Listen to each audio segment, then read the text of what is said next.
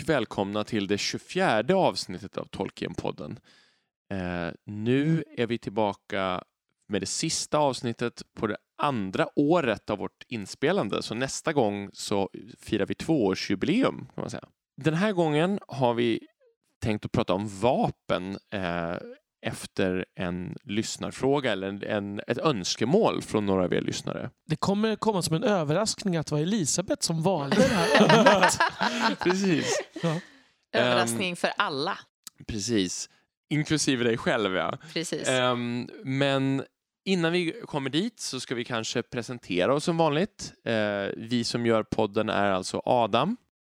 Elisabeth. Och Daniel. Och som vanligt så har vi några stående inslag innan vi kommer till månadens huvudämne. Och vi har två ganska viktiga nyhetsuppdateringar att göra kan man säga. Om... De är lite smått relaterade får Ja, man säga precis. också. Saker som händer i Tolkienvärlden och det rör sig dels om eh, den kommande Tolkien-filmen och dels om den lite senare kommande tv-serien från Amazon. Ja, den här eh, fantastiska filmen som vi ser fram emot att få se. Eh, den har vi just suttit och sett en längre trailer av.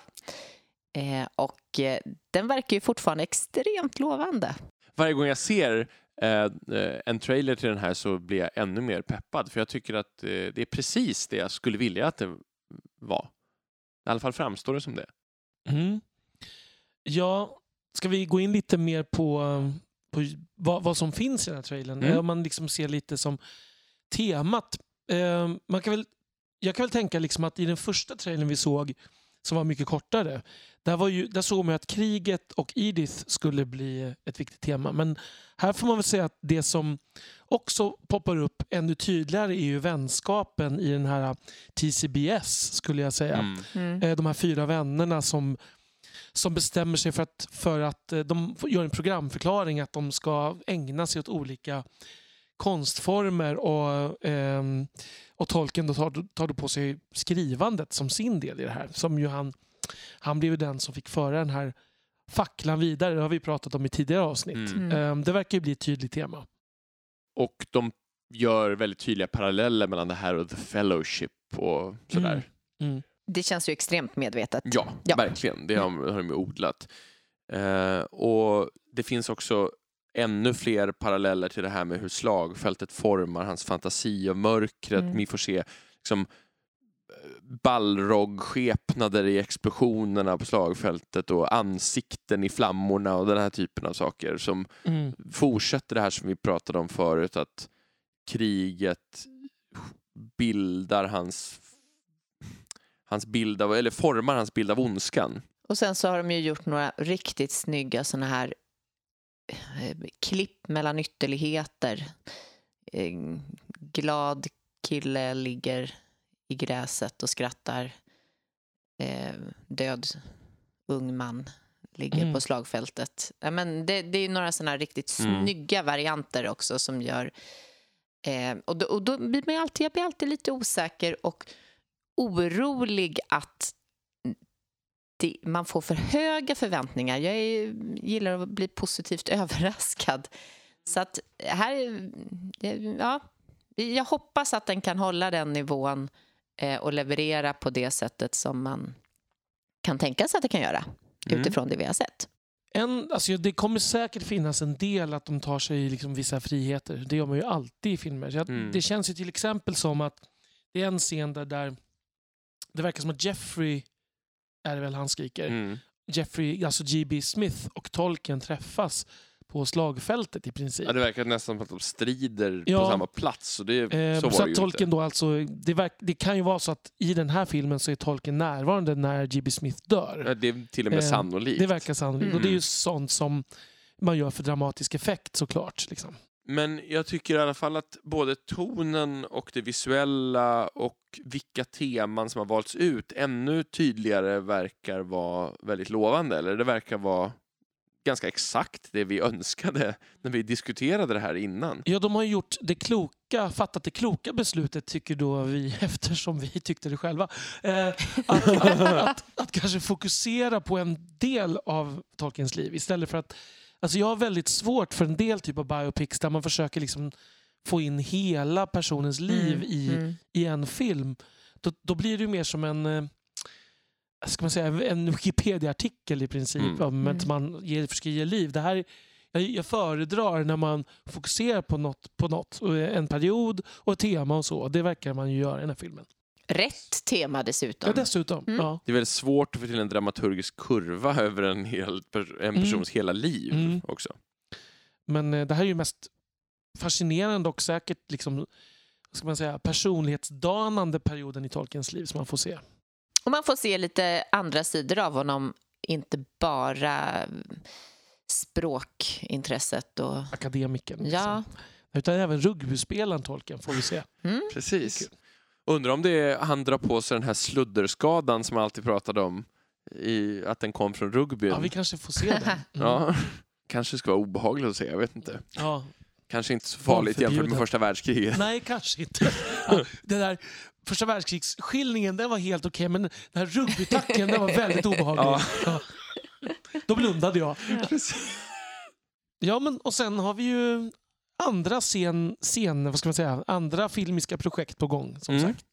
Men även om de kanske ligger lite längre in i framtiden så att säga. Eh, och det är ju då eh, Amazons serie. Och tidigare har vi ju rapporterat om att det pratades om att eh, serien skulle skildra eh, en ung Aragorn första säsongen, att det skulle vara tidigare i tredje åldern. Det var det som läckte eller något rykte som hittades på möjligen. Men det som verkar ha hänt är att man antingen har det aldrig varit aktuellt med tredje åldern eller så har man ändrat sig till andra åldern.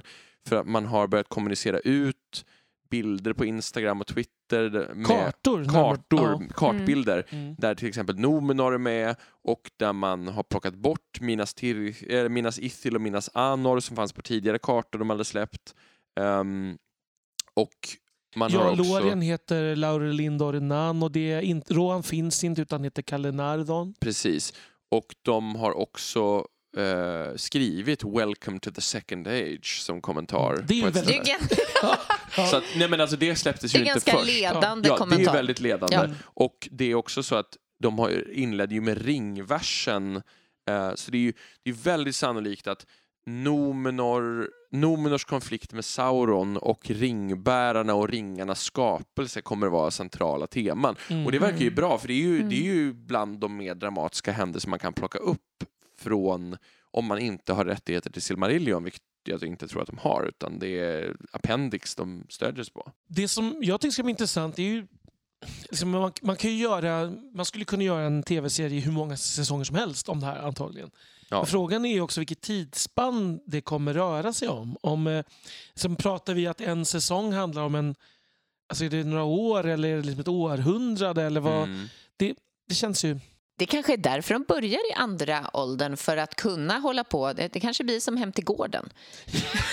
Ja, Den- Den utspelar sig i realtid, tv-serien, tänker du dig? precis. Ja. Det vill säga, det var 2000 år efter att den började, då kommer de till... Ja. Ja, ja, det blir en lång upplevelse. Ja, Precis. Mm. Men De som tyckte att de gick för mycket i Lord of the Rings-filmerna, de kommer...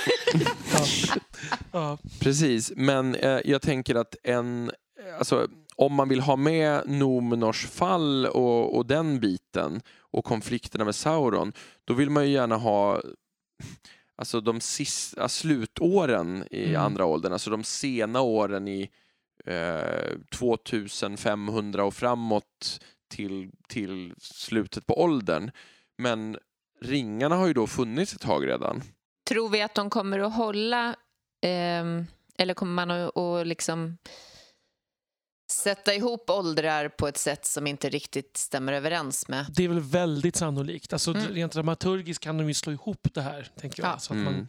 men det är frågan också vad de har rättigheterna till. För att kartan på, över Numenor är ju hämtad från Unfinished Tales, alltså Sagor från Midgård. Mm. Och den har vi inte tidigare hört att de skulle ha rättigheterna till. Men det skulle ju å andra sidan kunna eh, vara bra för, att, för där finns ju mer information Ja. om Numenor att hämta. Så. Ja, att göra något om Numenor utan Unfinished Tales blir ganska svårt. För då får man, jag vet inte exakt hur sådana copyright-regler fungerar, men om man inte får använda något av det och inte får råka sno, ta det heller. Då blir det ju då blir det väldigt konstigt. Mm. Om man bara ska basera sig på någon sorts kungalängder ur appendix Mm. eller så. Det blir väldigt intressant att tänka sig om de ska ha in Gandalf Galadriel, Ja. Elrond. med andra skådespelare. Ja, det, Det kommer, ju det kommer bli en omställning för många Mm. tror jag. verkligen. Vem kommer ni ha svårast i så fall att tänka att man ersätter? Vem Gandalf, ja. tror jag. Men hans roll är ju å andra sidan... Alltså han, Gandalf kommer ju inte in i andra åldern alls. Nej. Så att... eh, Men det vet vi ju inte hur de nej, slår om ihop det, bara, det hela. Nej, nej, det är sant. För... Så, men det finns ju inget logiskt skäl till eh, Att han är med. att han är med Nej. om man... Alltså, han har Men ju ingen Galadriel roll. bör... Galadriel bör ju vara med. Ja. Eh, och Elrond. Frågan är om det kommer bli som nästan antologiserier där att man tänker sig att det fokuserar på olika viktiga Mm. skeenden. Det tror jag skulle vara det bästa. Ja. För att det, det kommer ju vara svårt att hålla en dramaturgisk kurva under många säsonger om man inte drar ut på tiden väldigt då som sagt. Ja. Det, ehm, Hoppa framåt 890 år. Mm, Men det är också det där, som ni kommer ihåg när vi pratade om ringarna när de smids, att det är så här, det är så fruktansvärda tidshopp. Det är så här, ja, Celebrimbor jobbar på de tre maktstegarna i 90 år. Liksom, så där. Det, Tol- Tolkien själv drar ju ut jättemycket på många sådana där mm. eh, skeenden.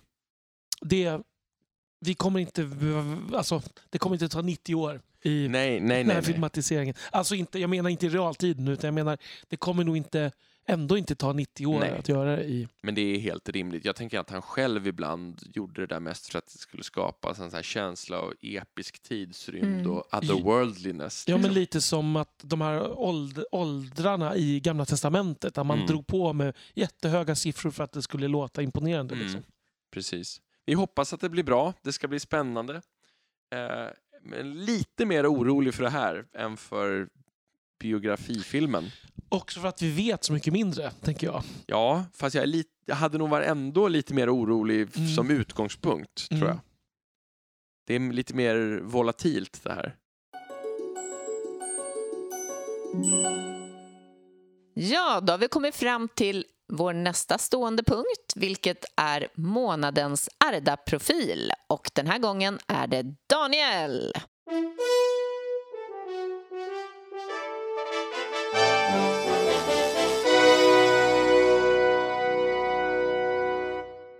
Jag har valt en eh, person som nämns ganska mycket i eh, böckerna kan man säga. Gandalf. Ja, det är precis. Men som har en eh, minimal roll i filmerna skulle jag säga. Så där, där, där Asch. föll det. Mm. Som nämns ganska mycket i böckerna men som har minimal roll i filmen, men är med i filmerna. Mm. Men in, utan repliker tror jag. Oj! I princip. Utan repliker i alla fall. Alltså, min... Ja, nej, inte tillräckligt mycket tänker jag. Men min första känsla var Farmer Maggot, men han nämns nog inte tillräckligt mycket i böckerna ens för att... Nej, alltså det är inte en person som nämns så mycket. Alltså det, alltså, det är inte en huvudperson i böckerna på något Nej, nej, sätt. nej. Men jag Nej. skulle säga att det är alla... jag Ja, skulle- jo, men nu Ja. vet jag. Är det Ja. Kirdan? Nej. Nej? Nej. För det är ändå en person som Mm. nämns ganska mycket i Ja. böckerna. Mm, Ja. Den hade kunnat funka. Ehm, det är en... eh, Finns han med i alla böckerna? Alltså det, är en, det är en person som finns med i The Hobbit. In, jag tror inte nämnd vid namn i The Hobbit, inte vid förnamn i alla fall. Eh, men finns i Fellowship och Return of the King. Den, den personen Okej, nämns då- alltså i, i The Hobbit men inte Då förnamn. kan man säga. placerar vi personen i fråga i The Shire. Japp. Ehm, och det är inte farsgubben. Nej, Ehm, det är också en bra gissning. Är Är farsgubben... det Lobelia? det är det. Ja. ah, Ah, det är Lobelia Sackville Baggins, även känd som Lobelia Sextabagger, även känd som Lobelia Kofferdisäcker. Utmärkta mm, översättningar. Jag, kom, jag kommer komma lite in på dem kan Ja. jag säga, kan jag avslöja. Eh, så vi har alltså Lobelia kan vi ändå kalla henne. Hon har en replik, tror jag, Ja, på festen. vad säger hon? Ja, det, ja, men frågar, eller var är han? Någonting sådär. Det är precis. Det, det, mm, jag var lite osäker där. Men eh, man kan säga så här, uttalutrymmet är inte stort. Nej. I alla fall. De dyker ju upp där eh, sextarbaggarna, eller The Sackville Bagginses, och letar efter Bilbo i filmen. Mm. Och han gömmer sig. Liksom, för Mm. dem. Och det säger väl väldigt mycket om eh, deras relation med honom. Nämligen, Ja. De var inte, stod inte på så god fot. Eh, Lobelia är alltså gift med Otto, eh, som är eh, kusin till Bilbo. Eh, de har en son som heter Loto, eh, alltså Otho och Lotho på engelska. Eh, Lobelia måste vara född något år innan eh, 2920 typ i tredje åldern. För man vet att hon var något över 100 när hon sen dog eh, 30-20 i tredje Mm. åldern. Hon föddes som en bracegirdle, alltså släkten bracegirdle, en bältespännare och eh, hon kommer från Hardbottle som heter Knaltebo i Erik Anderssons översättning.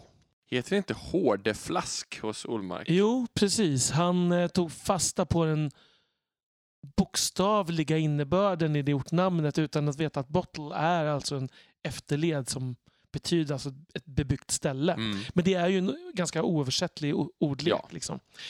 Ehm, däremot så tycker jag att han fick till... Det finns ett no bottle också. Och det tror jag att han kallar för flasklösa, vilket är ganska fyndigt.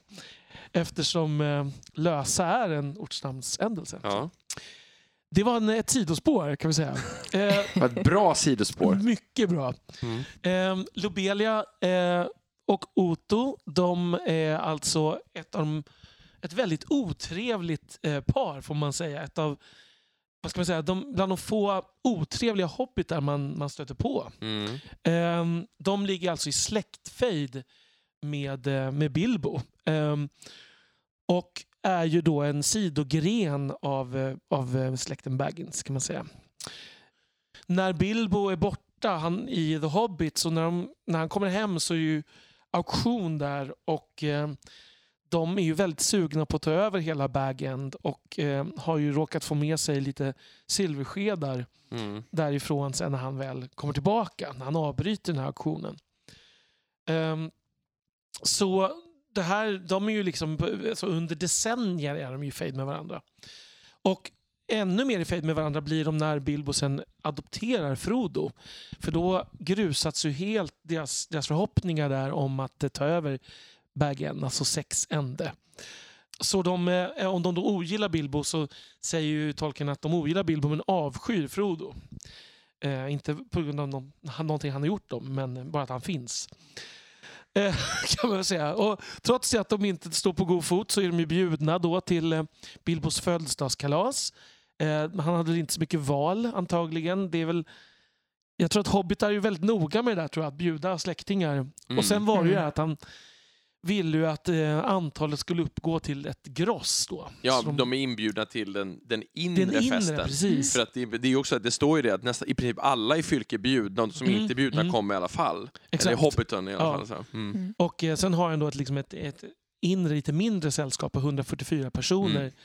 som eh, eh, ja, hans närmaste kan man säga. Mm. Och de är ju på dåligt humör hela kvällen. Eh, trots all god mat de får. Men, eh, och måttet är rågat sen när Bilbo då försvinner, i, i, liksom går upp i rök. Då går de därifrån. helt enkelt. Ytterst dålig smak. Ja, Väldigt dålig smak.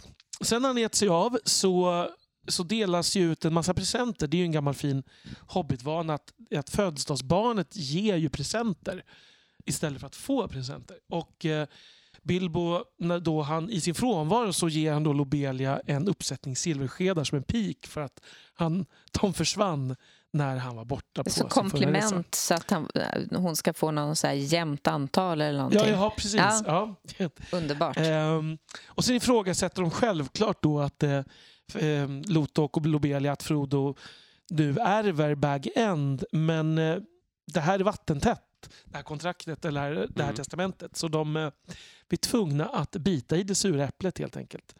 De är också att de beskyller ju Gandalf för att ha gjort sig av med Bilbo på något sätt. här. Det är en komplott. Så. När Frodo sen 17 år senare ska lämna Fylke och ge sig iväg att förstöra ringen så väljer han ju ändå av en ganska outgrundlig anledning får man säga, att sälja detta till Lobelia. Jag vet inte om det är något så här av lite medkänsla ändå kanske från. Frodos sida. Ja. Ja. Jag tror att det är så att han tycker att de, det är onödigt att göra, göra dem jättearga en gång till Mm. när, när han ändå inte ska bo där. Nej men så är det väl, men det, det hjälper ju inte för att de är ju fortfarande lika arga. Då har ju i och för sig Otto dött ett par år tidigare. Ja. Eh, så att han får aldrig uppleva det här att bo i sex händer. Men Lobelia och Loto, hennes son, då, flyttar in i Bag End. Ehm, och sen är det ju så att det, de har ju en ganska Alltså de har ju en viktig eh, roll att spela sen för att det är nämligen Loto som sen eh, medan eh, Frodo och hans vänner är borta kan man säga börjar industrialisera Fylke. Han får ju han får ju öknamnet Kvisslan, The Pimple. Mm. Alltså. Eh, men han, får ju också, han kallas ju också The Chief där. Och eh, lierar sig med en grupp eh, busar, kan man så säga. Kan man väl säga. Tintin kommer in här Ja, igen. tin, rå, grupp råskinn, Ja. ja, som Tintin skulle säga. Som kallas för The, Chi- The Chiefs Men. Och eh, det finns eh, Robert Foster, han eh, spekulerar i sitt lexikon att det kanske är halvorker det här. Mm. Eh, Mm. Så. Eh, så Loto han tar över där. Han avsätter eh, borgmästaren Will Whitfoot, Vidar Whitfoot. Sätter honom i fängelse och eh, börjar bygga en massa fabriker och med, med, med liksom ekonomiskt stöd från Saruman och Isengård. Där. Och göra samhället mer auktoritärt också kan man säga. Precis, precis. Alltså Saruman har ju honom som en slags nickedocka kan man ju Mm. säga. Så att eh, eh, någon slags Vichy-regering där kan man säga. Eh, så, men så småningom tar ju Saruman mer och mer över makten och Lobelia eh, sätter sig då upp mot eh, hans, de, här, de här råskinnen och ifrågasätter egentligen att, att, att de bestämmer. Så hon attackerar dem med sitt paraply. Och, Det är vilket är modigt får man säga. Ja, då är hon ju väldigt gammal. Mm. Eh, och då sättes hon i fängelse i låshålorna. Härifrån så börjar hon få... Hon börjar ju som en väldigt osympatisk person. Men Ja, här precis. börjar hon ju få en ganska intressant och lite... mm, Alltså, en gammal tant med ordentligt med skinn på näsan. Verkligen. Stämpel på Typ, ett mer eh, positivt sätt. Typ liksom enke, Mm. ankan där i Downton Abbey, Maggie Smiths roll. Ja, Lite så, åt det hållet. Ja. Väldigt kär och burdus, men, eh, men eh, liksom inte en ond Nej. hobbit Mm. egentligen. Sen när eh, Frodo och sällskapet kommer tillbaka och upptäcker i slutet av Return of the King att Fylke är helt förstört i princip av Saruman då och hans gäng. Så är det ju så att det framkommer att Loto har på Sarumans uppdrag då dödats av Grima. Han knivhugger honom i sömnen, påstår Saruman. Och kanske att Grima har ätit upp honom, antyd, antyder Saruman. Mm. Vilket ju gör Grima till helt plötsligt en helt annan typ av varelse än vad han verkar vara tidigare. får man säga. Ja. Men, Eh. men ja, stopp där. Dödade han honom på uppdrag från Sauroman? Vet vi det? Ja, det, Saruman, ja. Grima säger det i alla fall. Det var du som sa till mig att göra det här. Ja, just Ja. det. Ja, men det stämmer. Eh, när, när det sen är rensat, fylke är rensat och alla elaka skurkar är, är råskinnen och busarna är bortdrivna eller dödade Ja. och Saruman och eh, Grima har dött så eh, åker ju Frodo till de här låshålorna och eh, friger de hobbitar som har fängslats. Eh, eh, Lobelia är ju gammal och svag och hon stödjer sig på Frodo där när hon leds ut, vilket är lite gulligt tycker jag. Mm. Och då, då får hon den här enorma hyllningen, det här jublet från folkmassan. Så hon börjar gråta för att hon blir så rörd. Mm. För det är aldrig någon som har tyckt om henne förut. Nej, nej, precis. Sen är det ju så att när hon får veta att Loto har dött så blir hon helt knäckt. Så hon ger tillbaka sex änder till Frodo och flyttar tillbaka till sin släkt i Harbottle. Och sen dör hon följande vår. Eh, då är hon över 100 år alltså. Och då har hon testamenterat hela sin kvarvarande förmögenhet till Frodo och han ska använda den då för att hjälpa hobbitar som blivit hemlösa på grund av Sarumans eh, förstörelse av fylke där. Vilket är väldigt gulligt. Och här, i och med detta så tar den här släktfejden slut och även faktiskt så att, att eh, familjegrenen Sackle Baggins den dör ju faktiskt ut. Det är, det är ju två generationer bara. Så jag tycker Lobelia är en, är en vad ska man säga, precis som du var inne på Elisabeth, är liksom, hon är intressant för att hon börjar som en, bara en, ja, men liksom en nästan komisk effekt som Tolkien lägger till för att Mm. ha en elak gammal släkting. En typisk så här ragata-figur. Ja, verkligen. Ja, till att han ger en upprättelse, eh, vilket han ju ofta gör. Men i det här fallet så känns det väldigt... Jag tycker det känns fint på riktigt att de får Mm. den upprättelsen.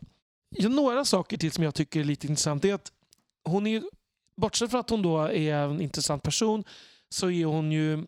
finns lite saker att säga om hennes namn. Man börjar med att säga att Lobelia är ju då en blomma.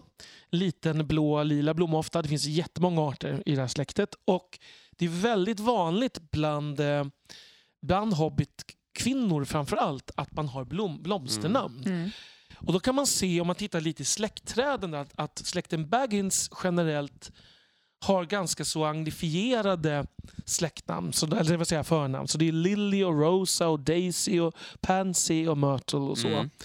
Ehm, medan släkterna Took och Brandybuck som ju är aristokratin i fylket, de har mer latiniserade eller franska namn som Belladonna, Pervinsa, och Pimpernel, och Asphodel och Primula och så. Mm.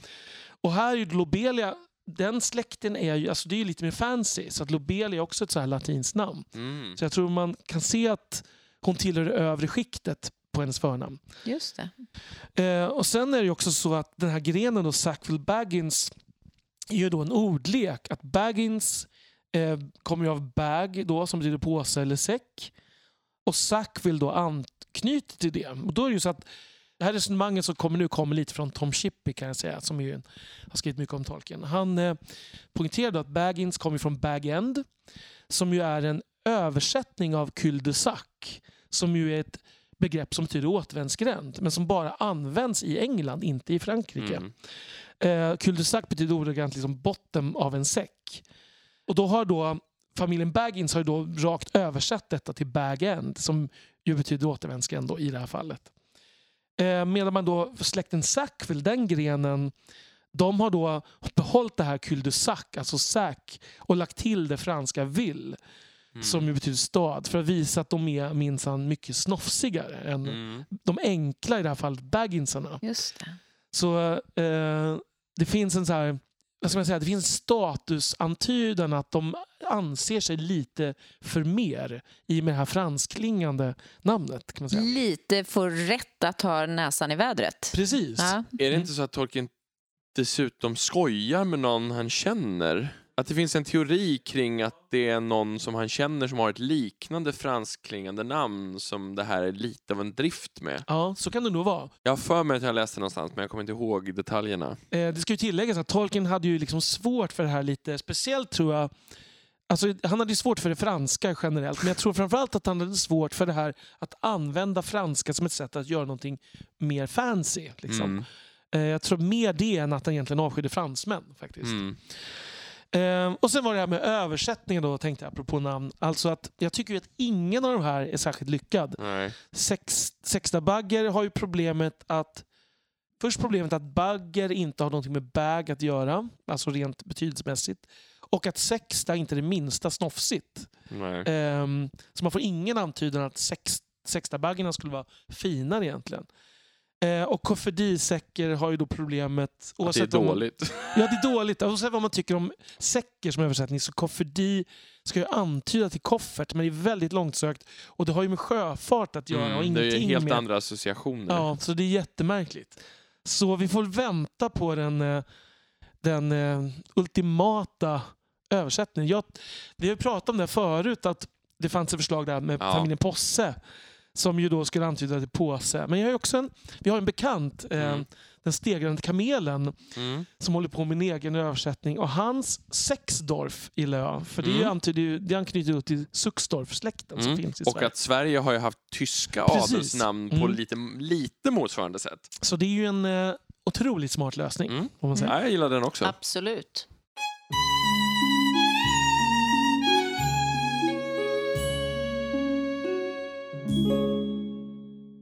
Då har vi kommit fram till dagens huvudtema. Och eh, det här är ju kanske det temat som ligger absolut längst ifrån mitt intresseområde om vi ska vara rent ärliga och krassa. Eh, vapnen i Midgård. Ja. Ja, Du får välja ämne nästa gång, Elisabeth. Tack så mycket. Eh, jag är ju inte så mycket för det där kriget som pågår fram och tillbaka. Men vi vet ju alla att någon som älskar krig, det är Adam. Så att jag tror att ni kommer Hur föra är jag hans. marknadsför där egentligen? Någon som älskar krig. Här, Den här mannen vill att jag ska dö. Vi kanske ska säga att Tolkien eh, tycker krigsskildringar i litteratur är intressant. Så Tolkien. Nej, förlåt. Säkert det också. Ja. Men vi ändrar då till Adam. Adam och Tolkien Mm. tycker att eh, krigsskildringar i litteratur är intressant. ja, Ja, precis. Det är Ja. inte samma sak Det är inte riktigt. som det första påståendet riktigt. nej. Nej. Eh, Men det här, Men det som vi- sagt, det kom ju från en lyssnarfråga. Mm, Eh, Precis. Vi så- blev ombedda. Vi fick en Eller fråga.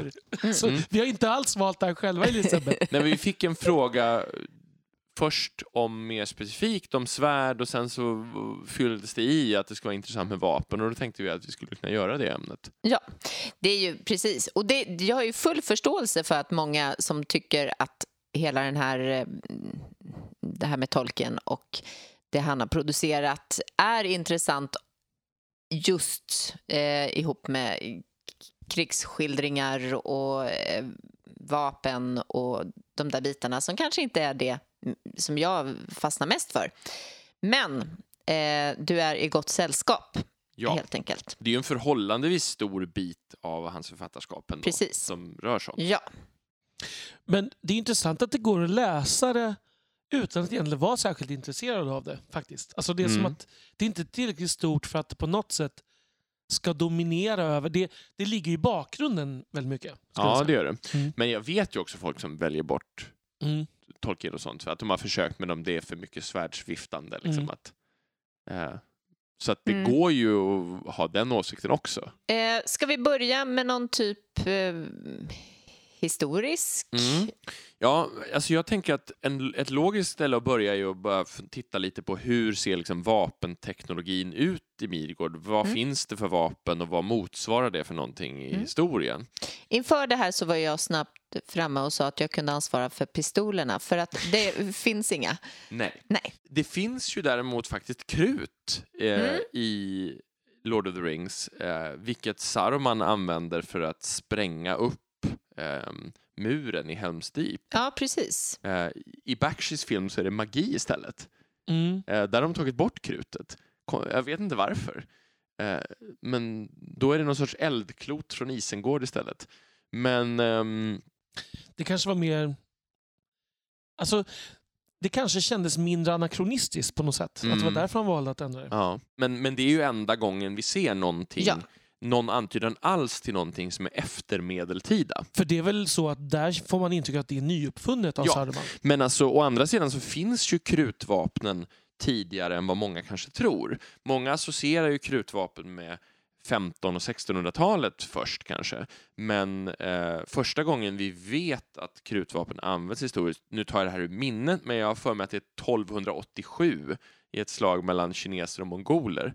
Eh, och det är ju relativt tidigt faktiskt. Så jag tänker att det är inte helt off. Men i övrigt så, så ligger vapenteknologin i Midgård, skulle jag säga, på en tidig medeltida eller tidig högmedeltida nivå. Och det jag menar med det är alltså perioden någonstans mellan 500 och 1100. Där någonstans.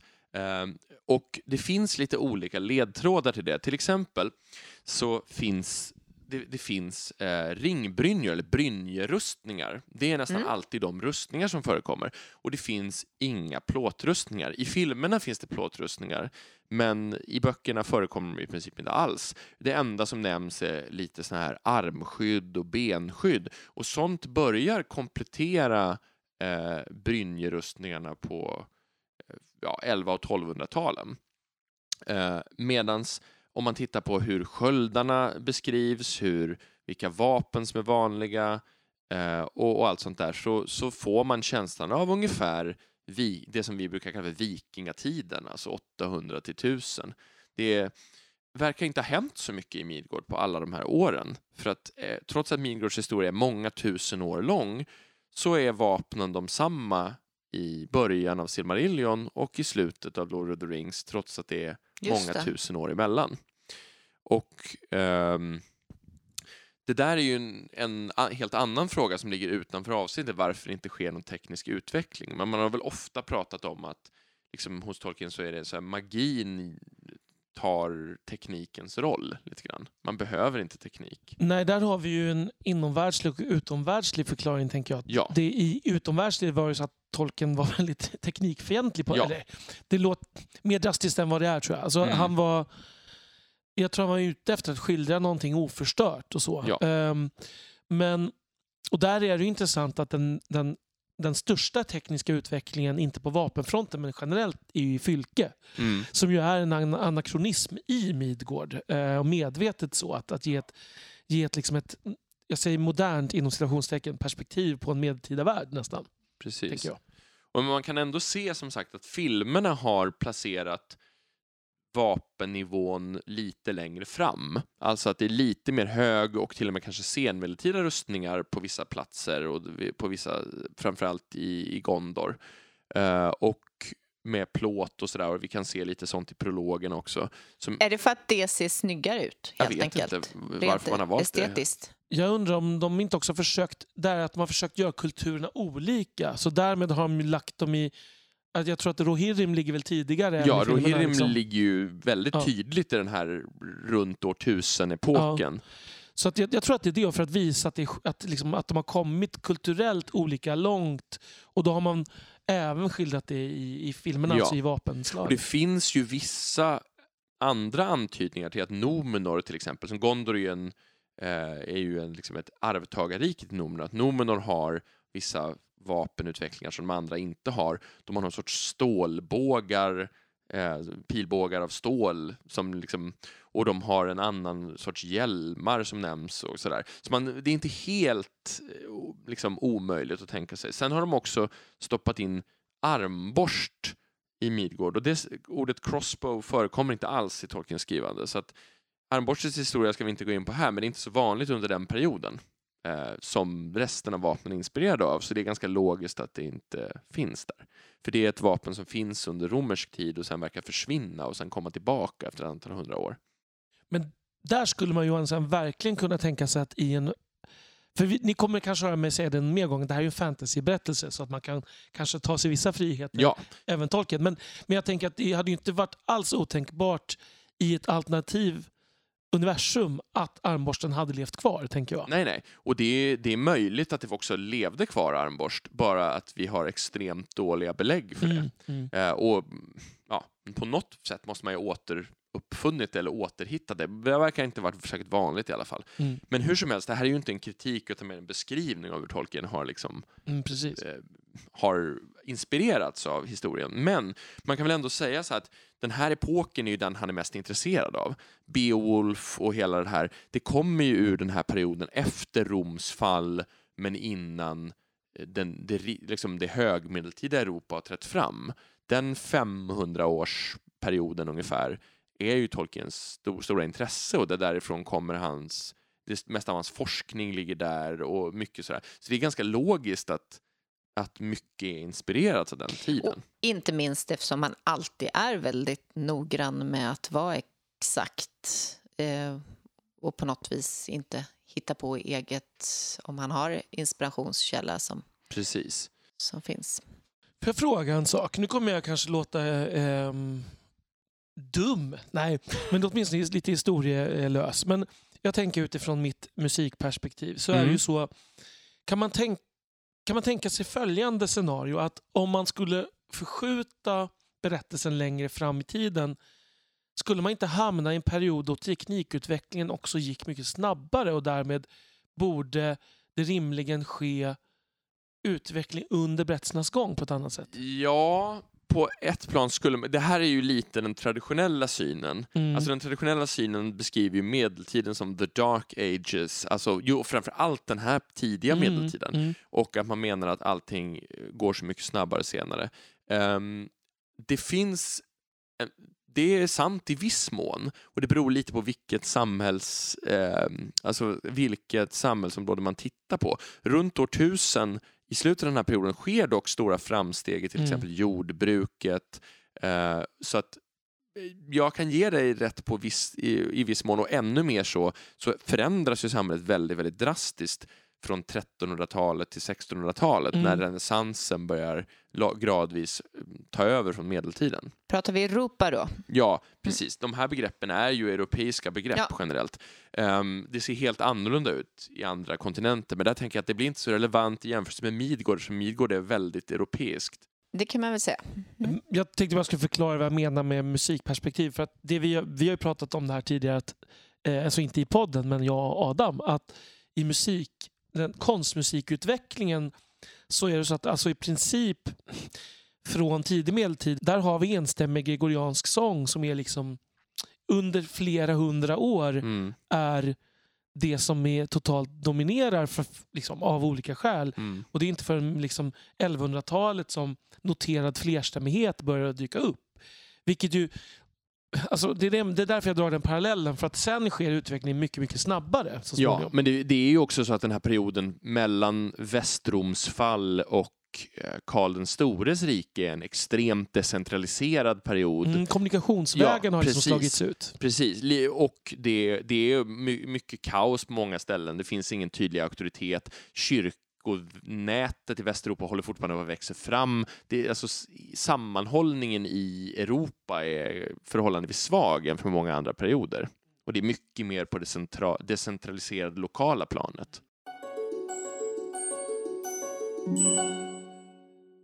Jag tänker, vilka vapentyper är det som faktiskt finns? Nu har vi konstaterat vad som inte finns. Ja, eh, alltså de vapen som förekommer allra mest hos Tolkien, det är svärd. Eh, svärd verkar de flesta folk använda sig av i olika former. Eh, sen ofta tillsammans med sköldar. Eh, och det är också historiskt. Eh, vi kan gå in lite på att svärd är vanligare i Midgård än kanske det var historiskt, men det kommer jag strax till. Eh, yxor ehm, finns hos vissa folk, framförallt Mm. associerat med dvärgarna. Det finns Doriaths alver använder yxor eh, i första åldern. Vi har en, ett, en av grupperna av östringar som kommer till, eh, som anfaller Gondor, använder yxor. Spjut förekommer också. Eh, spjut är ju historiskt det överlägset vanligaste vapnet. Och, men de, det kanske inte alltid har sett som lika intresseväckande. Gilgalad. Ja. Gilgalads spjut Aiglos kommer ju nämnas Titta. senare i avsnittet. Mhm. Eh, och spjut, spjut är alltså historien, den här perioden i historiens ö, alltså det går inte att jämföra hur vanliga de var, framför allt i slagfältssituationer. Men där måste jag bara få ställa en fråga, för jag tycker att det låter så otroligt osmidigt med ett spjut. Man slänger iväg ett spjut och sen är det borta. Man kastar inte spjutet generellt. Eh, Alltså det finns, det, alltså på, Det engelska, är OS. på, på, engelska så, men alltså allvar, ja, där, det är min bild. på engelska så skiljer man generellt på spear och javelin. Och det är klart att det går att kasta ett spjut, alltså ett längre spjut, Ja. om man behöver. Men generellt så är det alltså ett vapen som man strider med i närstrid. Medan korta kastspjut hade man ibland två, tre stycken med sig eh, i vissa kulturer som man kastade innan eh, när fienden var på väg framåt. Romarna Just. hade till exempel något som kallas för pilum som var en sorts kastspjut som hade en teknisk effekt att, de, att stålet krullade ihop sig så att de var oanvändbara när de slog in i fienden. Så att man kunde inte dra ut och kasta tillbaka det till exempel. Så spjuten användes för att hålla dem på avstånd Precis. så att man inte någonsin kunde nå fram med de där svärden? spjutet är det överlägset bästa nybörjarvapnet historiskt. Det håller fienden på avstånd. Det är väldigt, väldigt, går väldigt snabbt att med små rörelser flytta äggen. Eh, med, med, det vill säga, man kan lätt försvara sig med ett spjut. Att Mhm. Du behöver inte flytta din arm eller din hand så mycket för att flytta spjutspetsen, för den befinner sig så långt från din kropp. Eh, vilket är bra när du ska försvara dig. Medan en yxa till exempel är mycket svårare att använda. Mm. Eftersom när du väl har svingat, om du inte är skicklig nog så är du extremt exponerad. För du, yxan är tung att lyfta och dra Mm. tillbaka. Ett spjut, så att om man skulle bli tvungen att bli dumpad på ett medeltida slagfält och vara tvungen att välja vapen, då skulle man välja ett spjut. Just det. Mm. Jag tänker att en yxa måste vara lätt att råka hugga sig själv också. Ja, men framförallt så handlar det om att det är väldigt mycket svårare att försvara sig med ett sånt vapen. För att yxan har sin tyngd, eh, tyngdpunkt långt från handen och Ah. därför så blir man mycket långsammare i... När man väl har gått in i en rörelse så ska den slutföras, så att säga. Därför är det mycket lättare att man exponerar sig för motattacker. Ett svärd är mycket, på ett svärd är också mycket bättre defensivt än en yxa. Mm. Eh, och man kan se med yxorna att Tolkien ofta kopplar dem till så styrka och kanske lite mindre sofistikerat. Det här att, att liksom dvärgarna eller de här liksom skäggiga östringarna som kommer med yxor. Doriaths alver är också lite förvildade jämfört med de andra alverna. Han, det känns som att Tolkien gör den associationen till yxan. Och i, i, i vår värld så är yx, långa yxor ofta kopplade till exempel eh, vikingarna eh, och perioden där kring eh, elitsoldater eh, bland dansk-danerna till exempel. Eh, man pratar om danayxan. Eh, så att det har ju en koppling till den världen, skulle man kunna säga. Eh, sen finns det ju pilbågar och de verkar vara vanligt förekommande och det är väldigt historiskt eftersom pilbågar har förekommit i princip alla folk i världen ehm, i väl, under väldigt lång tid. De bågar som beskrivs är lite olika. Som sagt, den här stålbågen hos numenoranerna, den har ingen stor roll. Eh, det står att de har långbågar, alltså långa, extra långa bågar som får mer kraft av det i Lothlorien. Mm. Och kortare, smäckrade bågar i Mörkveden. Eh, Legolas får ju en långbåge i Lothlorien som ersätter hans kortare båge. Lite Robin Hood. Alltså långbågen är ett väldigt engelskt vapen Mm. och eh, men eh, framför allt vanligt efter den tid Robin Hood ofta brukar framställas i. Alltså framför allt vanligt från 1300-talet och framåt, vad vi vet. Så det är alltså lite anakronistiskt här då, eller? Ja, men däremot så har vi det är ett väldigt, väldigt svagt källäge när det gäller långbågar. Eh, var långbågen egentligen kommer ifrån är man inte helt säker på. Vissa tror att långbågen var väldigt vanlig under, under tidig medeltid också, bara att vi inte har några arkeologiska bevisning för Nej, att de är ju ju av material. trä. Ja, precis. Men, men eh, ganska, alltså det slår igenom som ett slagfältsvapen i England där det blir liksom, poängen är inte att man uppfinner långbågen utan att man börjar använda dem en masse så att säga. Det blir en kulturell grej. Eft, troligen efter Edward den förstes erövring av Wales. Så många vill spåra det till walesiska långbågsskyttar som När är det då? Edward den första erövrade Wales mellan 1277 och 1283. Och det där med långbågar går ju förresten också kopplat till eh, skogsmännen i Mörkveden. De använder idegransbågar och det är väldigt typiskt engelskt. Att engelska långbågar var gjorda av yew, alltså idegran. Och det var det bästa materialet för det. Så att de här fyra vapengrupperna, svärd, spjut, yxa och pilbåge är ju de vanligaste kanske. Som sagt, sköldar och ringbrynjor förekommer defensivt, hjälmar av olika slag. Ehm, Men det räknas väl inte som vapen? ehm, Det är väl typ skydd? ja, fast sköldar har använts offensivt, framförallt under den här perioden. Eh, det ska vi kanske inte gå in på nu, men sättet man håller en viking att gira sköld på eh, tyder på att den användes som vapen också, på Okej. många sätt. Att man använde skölden som ett stötverktyg för att Ja. skapa öppningar för svärdet eller yxan, vad man nu hade, spjutet, till exempel. Och de var dessutom eh, ofta eh, skodda med järn. De hade en, en sköldbuckla av järn och det fanns järn, var järn runt omkring så man kunde alltså slå någon ganska brutalt med sidan på en sköld. Det låter inte så behagligt. Nej. Nej. Men hur som helst, det förekommer ju lite, vissa andra vapen. De är inte så vanliga. Pikar, det vill säga väldigt mycket längre spjut, nämns eh, att Sarumans orker använder i slaget vid isens vadställe. I filmen har man stoppat in dem vid Helms Deep. Det finns inte där i boken dock. Det vore ju rimligt. Ja, ja det, det är absolut rimligt. Mm. Så att jag har inga invändningar Inga mot stora det. invändningar just där. Min största invändning är ju att orkerna med pikar är så fruktansvärt usla i filmversionen när, när kavalleriet kommer. Ja, För om de bara hade gjort sitt Mm. jobb, då hade det ju blivit köttfärs av hela Rohirrim. Eh, I den nedförsbacken dessutom. De är ju hyfsat inkompetenta orkerna över- överlag. Mm. Man ska faktiskt säga att orken är ju sjukt inkompetenta även i böckerna. Med tanke på deras antal Mm. jämfört med hur lite skada Mm. de gör. Men de Det är är ju... Batman-skurkar liksom. Ja, jo. eh, däremot Pow! Så. Ja. Mm. Men ehm, i, i böckerna är det väldigt tydligt att till exempel gondoranerna är helt överlägsna orkerna. I filmerna däremot har man gjort det så att inte en enda soldat i Minas Tirith dödar en enda ork. Det är bara åt andra hållet. Det är bara hjältarna som dödar orker i hela slaget vid Pelennor. Det är intressant faktiskt. Men hur som helst, det är de vanligaste eh, sorterna. Sen finns det ju enstaka andra exempel. Det finns en del knivar. Knivar och dolkar har ju använts som sidovapen, som personliga försvarsvapen.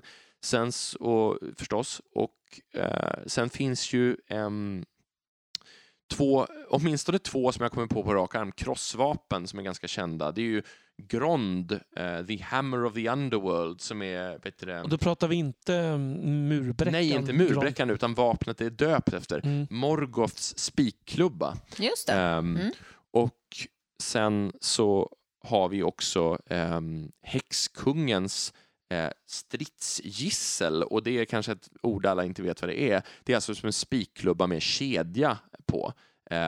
Det- flail heter det på engelska, men stridsgissel är den vanligaste översättningen på svenska. Det finns jättemycket olika terminologi där, så att innan ni skickar in att ni trodde att det hette så här och så här, så det, det finns många människor, många rollspel och spel har missförstått vad olika de där orden ska stå för också. Ja, sicket gissel.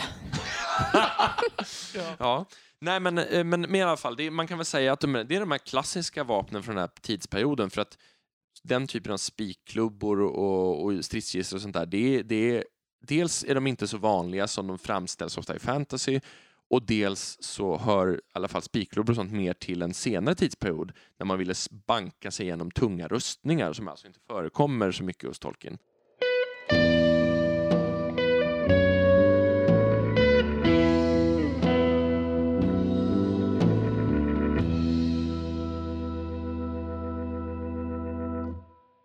Om vi nu ska eh, spinna vidare på det här, vi har nämnt Gron. Eh, men det finns ju fler vapen som faktiskt är så speciella att de får egna namn. Ja, det finns ganska många faktiskt. Det finns ett hel drös. eh, Tolkien älskar att namnge vapen. Ja. Gärna många olika namn. Och så. Ja, jag tror att det finns faktiskt ett 30-tal namngivna vapen. Jag har inte Mm. räknat, men bara Mm. på en höft sådär. Jag kan typ tre. Um, Ja, om du tänker efter tror jag du kan fler. det tror jag också. Andoril, Mm. Andoril, absolut. Vad Eh. heter Andoril tidigare? eh, Narsil. Narsil, ja. Alltså, där har vi ju, där har vi ju ett av de viktigaste. Men det är ju, sen har du ju flera av huvudpersonerna i... Sen så har vi ju Sting. Ja, Mm. Om det nu ens får räknas som ett vapen. Ett vapen är det ju Eh. alla gånger. Det är ju inte en tandpetare i alla fall. nej. Nej. Eh, och sen så har vi Glamdring. Ja, Mm. och där tycker jag de tre kanske är en ganska bra utgångspunkt. Mm. Eh, det, är väl några, det är väl några av de kändaste från Lord of the Rings. Eh, om man ska börja med Narsil och Andoril så är det kanske det mest symboltyngda svärdet. Vi kanske ska bara förklara eh, Mm. bakgrunden lite grann. Ja, Narsil är ju eh, det är ju det svärd som Isildur använder när han hugger ringen från Saurons finger. Och, och det är ju från början hans far Elendils svärd. Ja, det här svärdet går ju sönder redan innan ringen huggs av och sen går ju då Aragorn omkring med skärvorna av det här svärdet i, i fickan. Typ, Det är ju lite absurt. Ja, är Men ju- i, i böckerna så är det bara två bitar. Ja, det var två bitar. Ja, Medan i filmerna har de gjort det till mycket Just mindre det. Ja, skärvor. precis.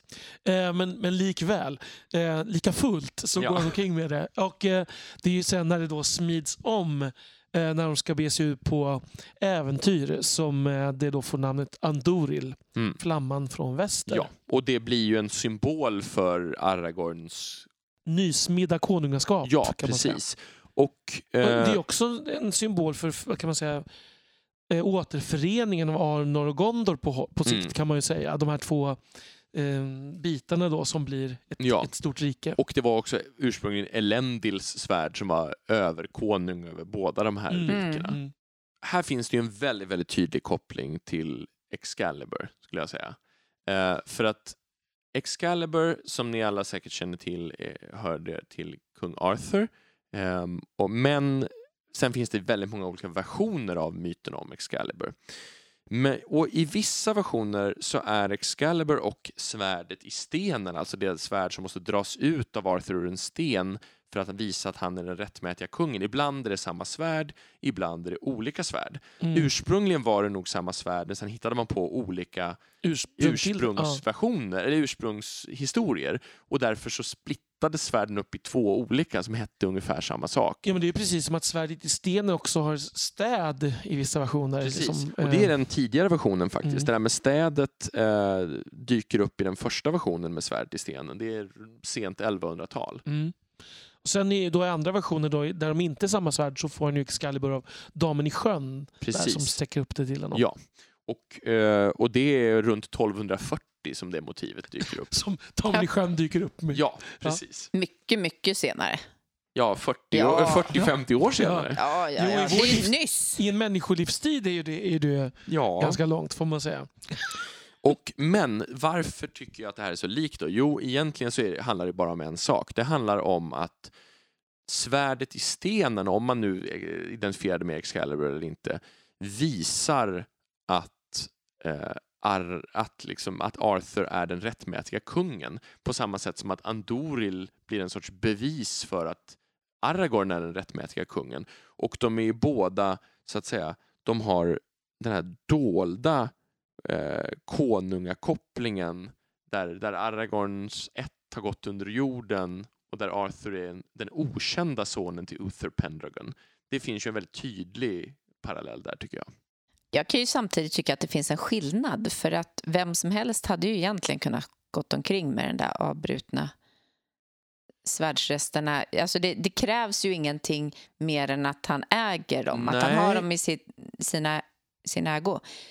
Medan däremot eh, kung Arthur inte kan få ut eller inte kan få tag på svärdet utan att Var rätt. vara rätt person. Ehm, ja, men Tolkiens karaktärer tolkar det ju inte så. Alla köper Aragorns eh, liksom, Mm. eh, claim genast när han visar upp Narsil, eh, som då fortfarande är det brutna svärdet. Eh, Boromir till exempel. Så att det finns åtminstone en liknande parallell i symbolvärdet, så att säga. Alltså särskilt om man tänker att parallellen är lite större. Tänker jag att Aragorn och Arth- Arthur har ju... Säga, det finns andra paralleller Ja. man, kan se också. De är ju liksom. båda, så att säga, ehm, the once and future king på Mm, ett sätt. Mm. Att det här att Arthur en dag ska komma tillbaka och återställa en gyllene tidsålder i England som ju är myten när han försvinner. För han dör ju inte, han färdas till, Till Avalon. Avalon, precis. I de flesta versioner i alla fall. Avalon. Eller, eh, eller så dör han på vägen till Avalon, lite oavsett. Men han ska komma tillbaka och det är lite det Aragorn gör. Han kommer tillbaka ur skuggorna, en, en kungaätt alla trodde var utdöda. Utvald av symbolen svärdet, så att säga.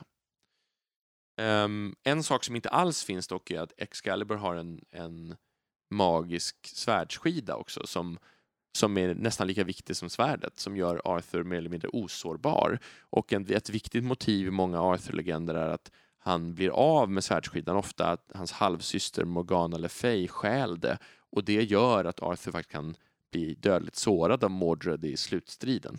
Den dimensionen finns ju inte överhuvudtaget. Nej, den är ju lite för...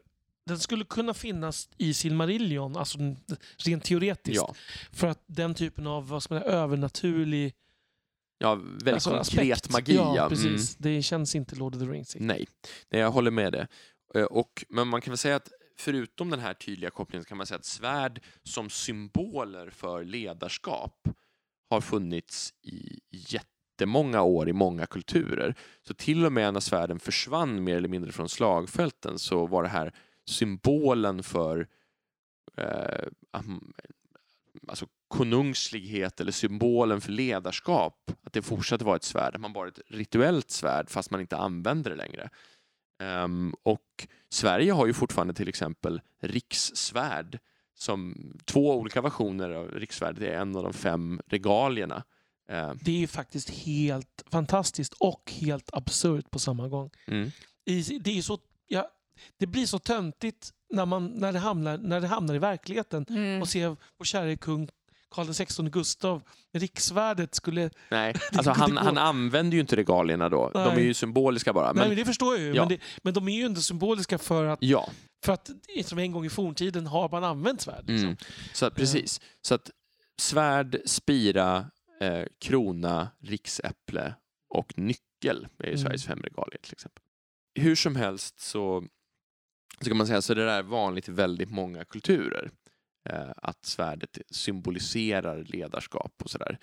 Eh, och det finns ett helt gäng svärd faktiskt från, som man hävdar är verkliga, de verkliga svärden. Eh, ett svärd som man hävdar ska vara William Wallaces svärd är uppenbart fake. Det är fel i tiden helt och hållet. Men vi har några andra svärd som finns utställda i olika ställen i världen. Som till exempel den spanska riddaren El Cids svärd. Om det nu är hans, men Tisona som det heter. Eh, Edward the Confessor, en av de sista anglosaxiska kungarna i England, hans svärd som man hävdar i alla fall finns utställt i England. Ehm, och så. Så att det finns en tydlig koppling mellan eh, ledarskap i strid och eh, konungatiteln och svärd fortfarande. Och då kan man ju tänka så här att det här är ju ett speciellt svärd som man har hållit reda på och eh, vårdat ömt eh, trots att det till och med var sönder. Medan däremot, jag nämnde ju faktiskt ett riktigt svärd till, eh, Glamdring, Ja. eh, som plockas upp mer av en slump. Ja, och det, ju, det har ju en, en lång historia också. Det kommer ju från Gondolin eh, och har varit Turgons, alvkungens svärd. Men sen så, så dyker det upp i en trollgrotta i, i nordvästra Midgård och Gandalf eh, kastar ur sig en teori om hur det måste ha hamnat där så att säga genom en historisk slump så att säga.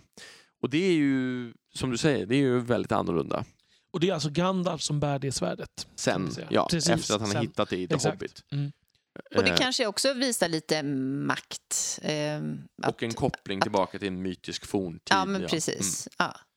Eh, och då är det ju så här, nu slog det mig just att det var ju inte bara han som hittade ett svärd då, Mm. Nej. eh, utan det fanns något... Åh! Han begravdes med det, men jag har glömt vad det hette. Orkrist, Just. Thorins svärd, eh, eller The Goblin Cleaver. Eh, Glamdring betyder för övrigt The Foe Hammer. Eh, fiendehammaren. Mm. Eh, men ehm, ja, och i filmerna har de valt att göra Orkrist till en så kallad Falkion som är ett, en svärdstyp som är vanlig under 1200-talet. Jag vet inte riktigt varför. Men Bes- Berätta vad det är. Det är en, eh, man kan se på filmversionen att det är en det är ett svärd med en större ägg som har tyngdpunkten längre bort från handtaget som skapade lite effekten av att svärdet var ett mellanting mellan en svärd, ett svärd och en yxa nästan. Att det gav större huggkraft men mindre liksom, flexibilitet i, i, och rörlighet. kan man säga. Mm. Jo, det kan man säga, det utvecklas under en period när rustningarna också håller på att bli tyngre. Och sen så försvinner det igen i en tid när rustningarna blir för tunga för svärden att banka igenom och man får ta till stridshammare och spikklubbor och sånt istället. Och eh, där i grottan hittar de ju även Sting. Ja, Och Sting, okej, Sting kan få räknas som ett vapen, för det tar ju faktiskt stöd på någon För det är här ett och där. vapen. Det är ett Ja, vapen. Helt enkelt. Eh, men det är inget svärd. Ehm, alltså det, det blir ju ett svärd för Bilbo men det är ju antagligen någon typ av dolk. eh, egentligen. Mm. Från början. Det står att den skulle varit en liten fickkniv för ett troll, men troll är ju mycket större än människor och alver också. Så att, Just det. Och det är ju Bilbo som döper Sting till Sting när han har huggit ihjäl sin första spindel i mörkveden. ja, att den har sting i sig. Liksom. Ja. Men sen är det ju faktiskt så att det, och det här, frågan om det är en slump, eh, det är ju att Bilbo också är namnet på en kort svärdstyp. Ja. Ehm, så det känns ju inte helt långsökt att tolken har känt till det och associerat på det sättet. Nej, det tror jag verkligen att han gjorde. Ja. Nu insåg jag precis att det finns faktiskt ytterligare ett svärd som jag kanske inte riktigt just nu kommer på namnet på, men som jag ändå känner till att det existerar. Eh, och det är ju din favoritkaraktär om vi går bakåt i tiden till Silmarillion. Eh, så har vi Torin Turambar. Ja, och det här Eh. är ett ganska intressant svärd. Det är ett elakt svärd. Ja, det är ett svärd som faktiskt, ehm, som faktiskt smids om, precis som Narsil och Andoril. Det heter från början Anglachel och är ett av två svärd som smids av Eol Mörkeralven eh, tillsammans med hans eget Anguirel. Eh, och de är väldigt häftiga. De är smidda från svart meteoritjärn. Det har alltså landat en meteorit och han har tagit metallen därifrån. Det är nästan lite Lovecraftianskt och som ger dem mystiska egenskaper. Så han läm- har Angoyrel själv men han ger Anglachel till Thingol som en sorts betalning för att eh, han ska få fortsätta bo i sin lilla skogsbit Nan Elmoth, så att säga, för Thingol är det här områdets herre. Och ehm, Melian uttalar en profetia om att det här är ett svärd som inte kommer att älska den hand som svingar det och inte kommer stanna länge med dig, säger hon Mm. till Thingol. Att det här är ett mörkt, ett ont svärd. Mm. Det, är liksom, den här, den smedens onda intentioner lever i det fortfarande. Jag tycker det är intressant med profetior. Mm. Eh, frågan är, är det det som dömer svärdet eller förutser hon det och bara uttalar det som redan fanns där? Ja, det blir en väldigt intressant metafysisk diskussion, så att säga. Mm. Hur fungerar ödet i Mm. Midgård? Mm. Det är lite som samma problematik som tidsresor kan man nästan Mm. säga. Hade hon inte uttalat de här orden hade det ändå varit så. Mm. Ja. Som det är lite det du är Ja. inne på. Ja. Precis. Precis. Eh, det som händer sen är att um, Thingol ger svärdet till Beleg att använda, som ju är en av hans närmsta män. Eh, och det sägs att varje gång Beleg drog svärdet så sjöng det med glädje att få bli draget. Och, och här har vi då min association till det här svärdet är ju The Singing Sword i, i Roger Rabbit. Som eh, hjälten Eddie Valiant, han- när han slåss mot ärkeskurken så hittar han en låda med sjungande svärd som ser ut som och låter som Frank Sinatra, vilket är väldigt roligt tycker jag. Mm. Det här är, varje gång jag läser om det här svärdet så är det det svärdet som Mm. framför mig. Eh, det bryter ju stämningen lite grann här nu. Eh, är Tvärtom, det bidrar till stämningen. Ja. Nej, men när det, svärdet får ju sin riktigt mörka del av sin historia när Beleg försöker befria en medvetslös Torin ehm, som är tillfångatagen av orker. Så i mörkret försöker han tyst befria honom men han råkar skära Torin lite grann. Han vaknar, ser inte vem det är, greppar svärdet och dödar Beleg. Och det är ju den, eh, liksom den stora tragedin, första stora tragedin i hans liv kan man säga. En annan alv som är där som heter Gwindor hjälper Torin därifrån ändå eh, och tar också med sig svärdet och ger det till Torin. Och där i de, de be, be, beger sig till Gwindors hem Nargothrond och där svär, smids svärdet om till eh, det nya Gurthang, the Iron of Death, dödsjärnet. Och det blir alltså Torins svärd, han blir känd som Svarta svärdet, the Black Sword. Ehm, och han börjar kallas Mormegil, Svarta svärdet. Mm. Men alltså, eh, det här svärdet som var extremt otrevligt ihop med Torambar. Mm. Eh, han gjorde inte så mycket väsen av sig mer än att han då uppenbarligen lallade omkring när, när eh, det användes av Beleg. Men, Nej, och alltså där han... är det ju inte så att, att han liksom är...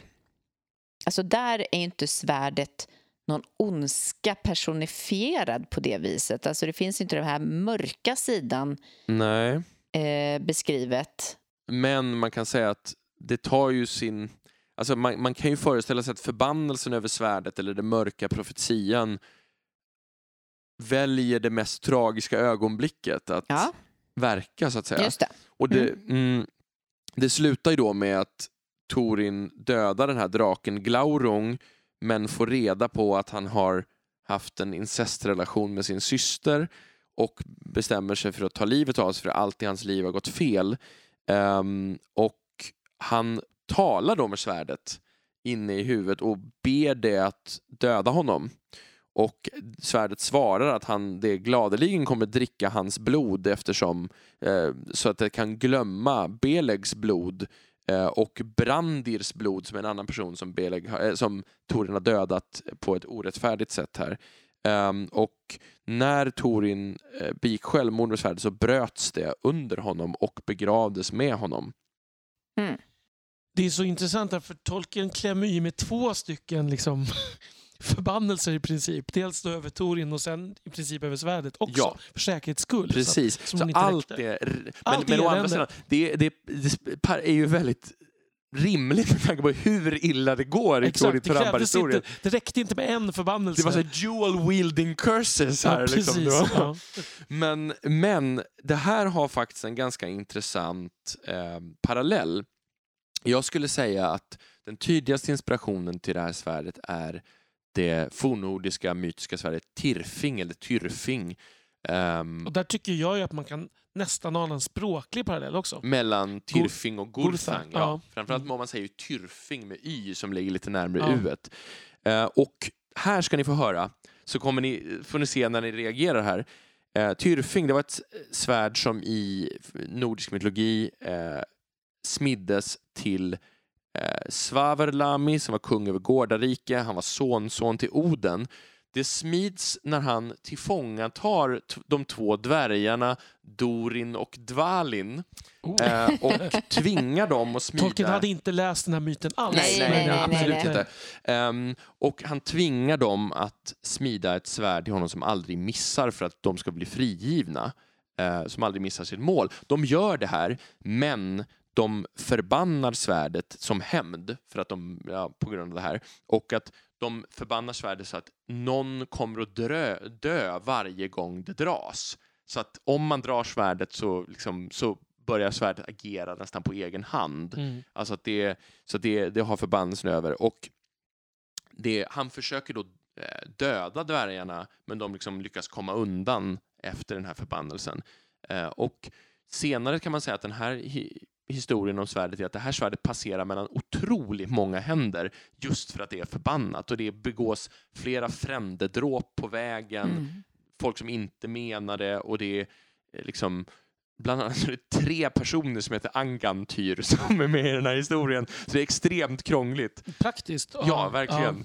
Eh, Men så svärdet i alla fall har en väldigt lång blodig historia och liksom, Mm. det framstår som att liksom, de här in- fejderna och intrigerna och hemskheterna lever vidare till stor del på grund av svärdets förbannelse. Det är vid något tillfälle till och med en, en som bara ska visa svärdet för en annan och det slutar med att han dödar den andra. Liksom.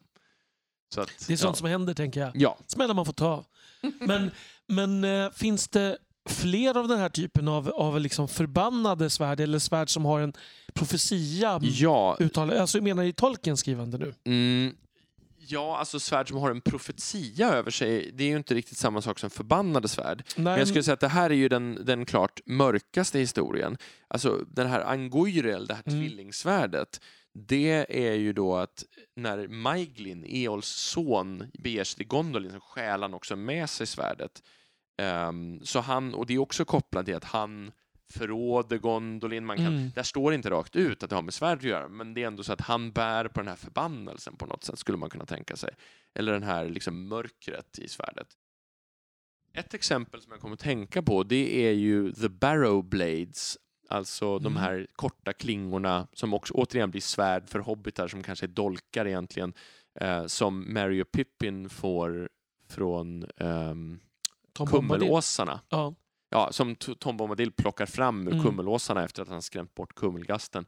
Eh, I filmen så får de här dolkarna av Galadriel istället. Mm.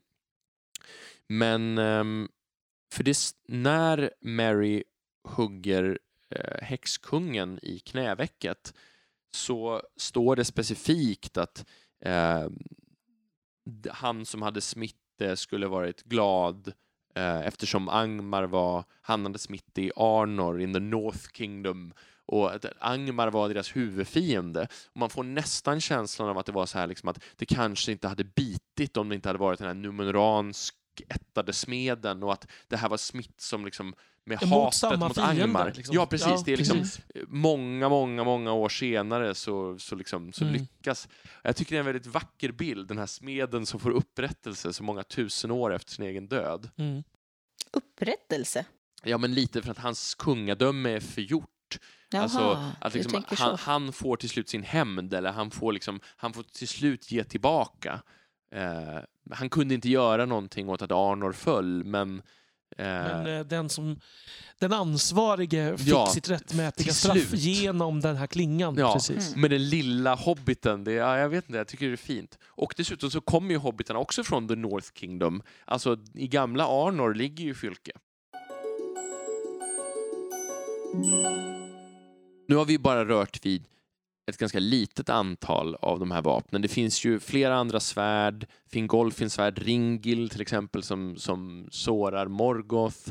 Vi har Torins yxa Dramborleg. Theodens svärd Herogrim. Ja, precis. Och där är det jättespännande för där känns det som att liksom Theoden får, får tillbaka sin liksom nästan manlighet eller liksom sin, sina krafter Mm. eh, symboliskt av när han får tar i svärdet igen. Och det är ju tydligt hur Tolkien kopplar svärd och krig med eh, liksom någon sorts genuskonstruktion av Absolut. manlighet. Det, det, men, jag menar, och det, är- Machokultur. ja, men det är ju inte helt långsökt att se på svärd som en fallosymbol. tänker Och med jag. Tanke på din snoppmätningskommentar i förra avsnittet. Och det, det är ju rätt nära i tiden eftersom det är precis innan de träder in i Edoras. Precis. Den här scenen ja, där de ja, vägrar ge upp Ja, just det. När Mm. de rabblar upp sina vapens liksom, Precis. eh, eh, hur fina de bakgrundshistorier. är. Ja, precis. Nej men exakt. Och, så, och det är ju det här med att eh, Eowyn också blir ju får ju manliga egenskaper av Mm. att använda vapen. Liksom. Mm, precis. Eh, alltså nu menar jag, det här, jag säger detta med enorma citationstecken och eh, mer utifrån eh, någon slags här stereotyp köns Ja. genusbild. Så. precis. Det är inget jag Men skriver under Tolkien på. skulle säkert ha skrivit under på Självklart. att hon fick manliga egenskaper. Mm. Men, men man kan också säga så här att det finns ju fler paralleller till mytiska vapen. Jag tänkte på det när vi sa med Narsil, det här med det brutna svärdet och det omsmidda svärdet som vi ser i både Narsil och Anglachel som blir, som blir Andoril och Gurthang. Det finns faktiskt i eh, Völsungasagan som är alltså förebilden till Nibelungen ring som ju Tolkien inte alls var inspirerad av. Nej, nej. Jag vill bara runda. Precis. Eh, och där är det faktiskt så att Oden fäster det här ett svärd i en... Eh, i, I mitten av en, en väldig hall så finns det ett, ett träd som heter Bramstocker. Och det här är precis samma... Bram grej- Stoker. Mm, nej, Barnstocker är det. Förlåt. Barnstocker. Och vet du det, ehm, Oden sticker in svärdet i, han är förklädd och sticker in svärdet i det här eh, trädet. Och det är samma sak som med svärdet i stenen. Eh, man får svärdet och man kan dra ut det och det är ett mäktigt svärd med magiska egenskaper. Och då är det den här Sigmund, Sigurds pappa, som lyckas göra det. Och det som är intressant då är att Sigmund använder svärdet fram till att han är ödesbestämd att dö. Då bestämmer Oden att svärdet ska brytas i det värsta ögonblicket möjligt. Och sen när hans son Sigurd får svärdet så blir han en hjälte, kan man säga, när dvärgen Regin smider om svärdet till honom. Och här finns det ju en väldigt tydlig parallell Mm. kan man säga. Eh, och svärdet blir helt igen. Och det är ju svärdet Gram då. ehm. Eh, och det använder han då också för att dräpa Fafner, draken. Draken. Så den här Gurthang-parallellen är ganska stark här också, inte bara i Tirfing utan också här Mm. i Gram. Eh, men, och det finns, jag menar, eh, Beowulf Det finns det två viktiga svärd, Hrunting och Negling. Och båda är också så att båda de sviker när ödet bestämmer att de ska göra det. Mm. Eh, att de inte biter på monstret, så att säga, som det är sagt. Och där är ju då, då tycker jag att det är intressant igen med den här Marys knivhugg i knävecket. Mm. Där, det är nästan det, det är ju det är något Tolkiens att vända ju det här katastrofen till den här katastrofen Mm. som jag pratade om tidigare. Att Mm. Istället för att ha en klinga som sviker så har man en klinga som gör precis rätt sak vid rätt tillfälle. Precis, den var gjord för just det där. Ja, Mm. ja Mm. det, och, det, och det känns ju... Det är ju mindre vanligt kanske, Mm. i, tänker jag. Men ganska tilltalande ändå. Mm. Mm. Och det, men, men det vi märker här är att de allra flesta av de här döpta svär, vapnen är ju svärd. Vi nämnde Ja. ju då Dramborleg, Tor- Tors yxa. Vi har där också Aiglos. Ja, det nämnde Elisabeth. Ja, Elisabeth nämnde tidigare Gilgalads spjut. Mm. Ehm, Som ju faktiskt, det är en sån liten detalj som jag har uppskattat jättemycket i, i filmerna. I den förlängda versionen får man ju se Gil-galad använda sitt spjut. ja, precis. Ehm, det är sån här som ingen som inte har läst överhuvudtaget Nej. kan tänkas bry sig om. Och ehm, det är också det att Gilgalad och Elendil strider mot Sauron eh, i, med då Narsil och, Mm. eh, Och Aiglos. Aiglos. Ehm, och men och, och när det gäller spjut så kan, finns det väl två kända som jag kommer på så här spontant. Är ju dels Gung- Gungner, Odens Mm. spjut, som sägs liksom man behöver, oavsett om man har någon skicklighetsnivå eller inte så träffar det. Och det finns en liknande irisk myt. Hjälten Kokalin har ett spjut som heter The Gaebolg som eh, är en sorts liksom, extremt dödligt spjut. Och det är också kopplat till främdedråp. Han använder det bara två gånger i livet. Den ena gången dödar han sin bästa vän Födia och den andra gången dödar han sin son Lauch. Låter väldigt torinskt. Ja, Mm. så där, där skulle det möjligen kunna finnas en sån koppling också. Eh, det här, och, och man kan säga att svärd och andra vapen i såna här, den här mytiska tradition som Tolkien inspireras av, de är ju generellt, har ju ofta en mystisk bakgrund. Och det ser vi hos Tolkien också. I anglosaxisk kultur så lägger man i, i krönikor och Beowulf och lite annat så här så lägger man jättemycket fokus på när svärd byter ägare. För att svärd är liksom symboler för eh, symboler för makt och symboler för liksom, styre. Så att man kan säga nästan alla svärd i anglosaxisk myt är antingen gjorda av monster, så de har Mm. en mytisk magisk koppling, eller så är de ärvda från en förfader i mytisk tid. Här märker vi verkligen hur det är kopplat till Tolkien. Eller så är de givna mellan en herre och en kämpe. Alltså de är en symbol för lojalitet eller underlydande. Och det här kan vi se till exempel Thingol ger Anglachel till Beleg och så vidare. Um, och här tror jag att det här rimmar ju Tolkien uppenbart medvetet. Alltså att han har full koll på den här symbolen och också det här att överförandet av svärdet, givandet av svärdet eh, blir väldigt centralt. Tolkien också pratar också väldigt mycket om att om man jämför med andra saker man bär med sig så får svärden extremt mycket uppmärksamhet Mm. även i den utzoomade Silmarillion. Sen har vi ju enstaka avståndsvapen man kan nämna också. Belthronding, Belegs pilbåge, ehm, svarta pilen som Bard bågskytten använder till exempel. Eh, men man märker att det är en väldigt tydlig dominans för svärd just för den har den här mytiska ledarskapssymbolen. Men i verkligheten så har svärden inte varit så vanliga som man skulle kunna tro för det var svårt och dyrt att tillverka svärd. Så det var under till exempel vikingatiden. Vikingar avbildas nästan alltid med svärd och ringbrynja, men det var hövdingens utrustning. Eh, spjutet och ingen rustning hade varit betydligt vanligare. Bara en sköld.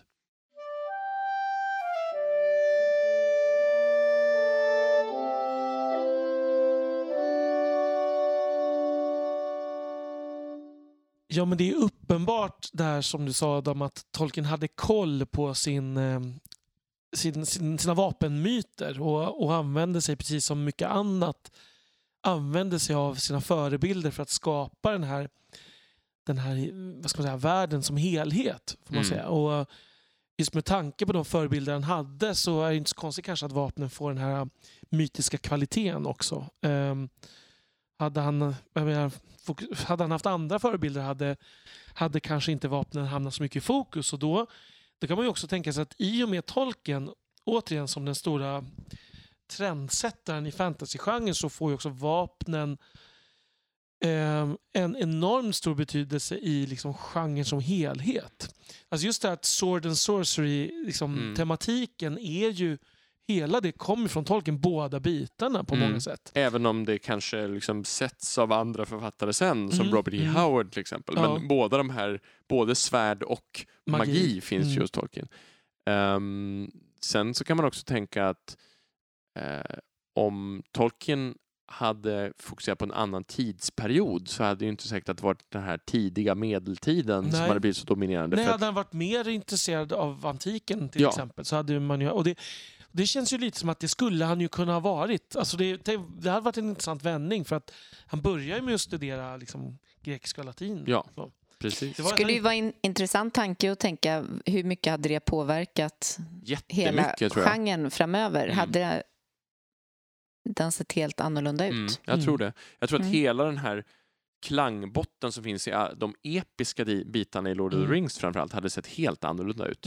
Mm. Om det hade varit Iliaden och inte Beowulf till exempel som mm, hade varit Ja, stora inspirationen. Och ändå, och, och det, som du säger att det är så viktigt inslag. Här har vi ju rabblat upp ett helt gäng vapen och det är ändå bara en del. Alltså vi, vi har Mm. utelämnat ganska många. Och, och det säger ju en del. Alltså så jäkla vanligt att folk namngav sina svärd, vet inte tusan hur vanligt det var. Det vet vi ju inte, det är svårt att säga. Mm. Det jag tänker också apropå det här miljarden som du sa att det, det som tolken inte det som hade kunnat bli en skillnad är att Tolkien går inte in så mycket på vad, vad de här vapnen faktiskt gör. Det sker ju mer nästan i Iliaden att, Mm. att beskrivningar av hur Mm. folk dör på grund Ja, av vapen. Precis. Ehm, Tolkien är ju väldigt vag vad gäller det. Och det Så. är ju som med magi generellt, magiska egenskaper. I många av de här myterna som jag har refererat till så får vi ju veta vad det är som är speciellt. Alltså att det här svärdet dödar alltid, det här svärdet träffar alltid, det här svärdet är omöjligt att förstöra. Till exempel Mm. Rolands svärd Dorendal står specifikt, det går inte att förstöra. Men hos Tolkien så är det ju ofta, det kan stå saker som a grievous sword eller a fearsome blade, någonting åt det Mm. hållet. Att det, det, det framgår att det finns någon sorts kraft och det är utvalt av ödet på något sätt, men kanske inte riktigt hur.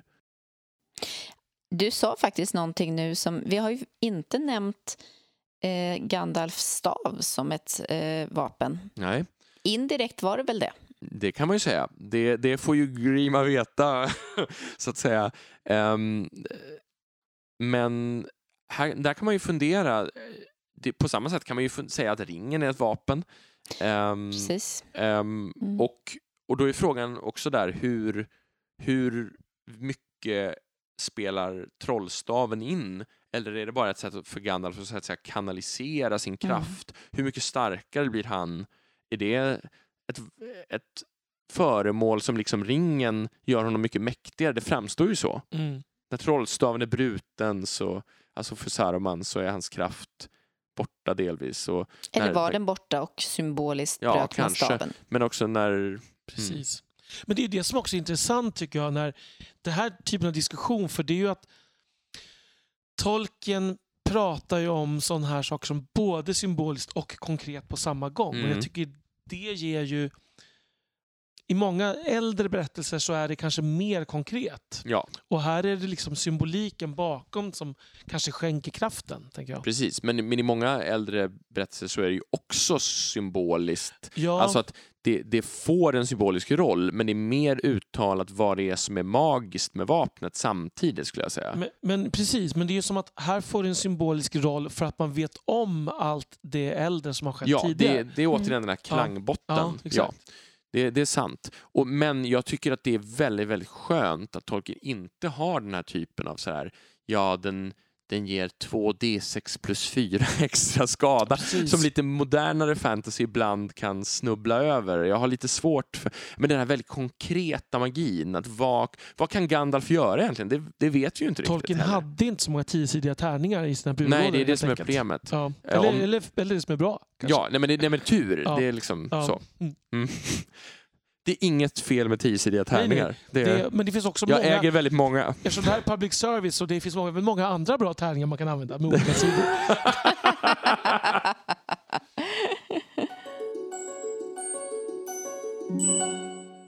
Jag vill bara konstatera att det här blev ju faktiskt snäppet mer intressant än vad jag hade förväntat mig. Det här med Men vapen... bara snäppet. Ja, men vapen, vapen är vapen. Eh, men eh, det kanske kommer nästa gång som jag läser böckerna så kanske jag kommer att eh, Se att det är ett svärd med. tänka lite mer på vad de har för roll i historien. Mm. Ja, Men om man inte bläddrar förbi slagen så är det lättare att se svärden. precis. Ja, nej, men jag kanske stannar till istället. Vi får Ja. se. Ehm, och nästa gång så får vi se vad Elisabeth har valt för ämne. Mm, det blir Det var spännande. jag som valde det här, var det inte så? Ja, jag visste det. Mm. Ja. Ja, men med de orden så tackar vi för oss. Eh, och Ja, ni får som vanligt höra av er om ni undrar eller tänker på någonting eller vill komma med feedback. mm, Ni vet var ni hittar oss. ja, och ehm, vi har fått in lite, lite nya frågor som säkert kan dyka upp i framtiden också. Så om du har skickat in en fråga och inte fått den besvarad den, förtvivla icke. Det, vi är på gång med att eh, göra avsnitt eller inslag i avsnitt som svarar på flera av de här frågorna. Tack så mycket för den här gången och hej då! Hej då! Hej hej!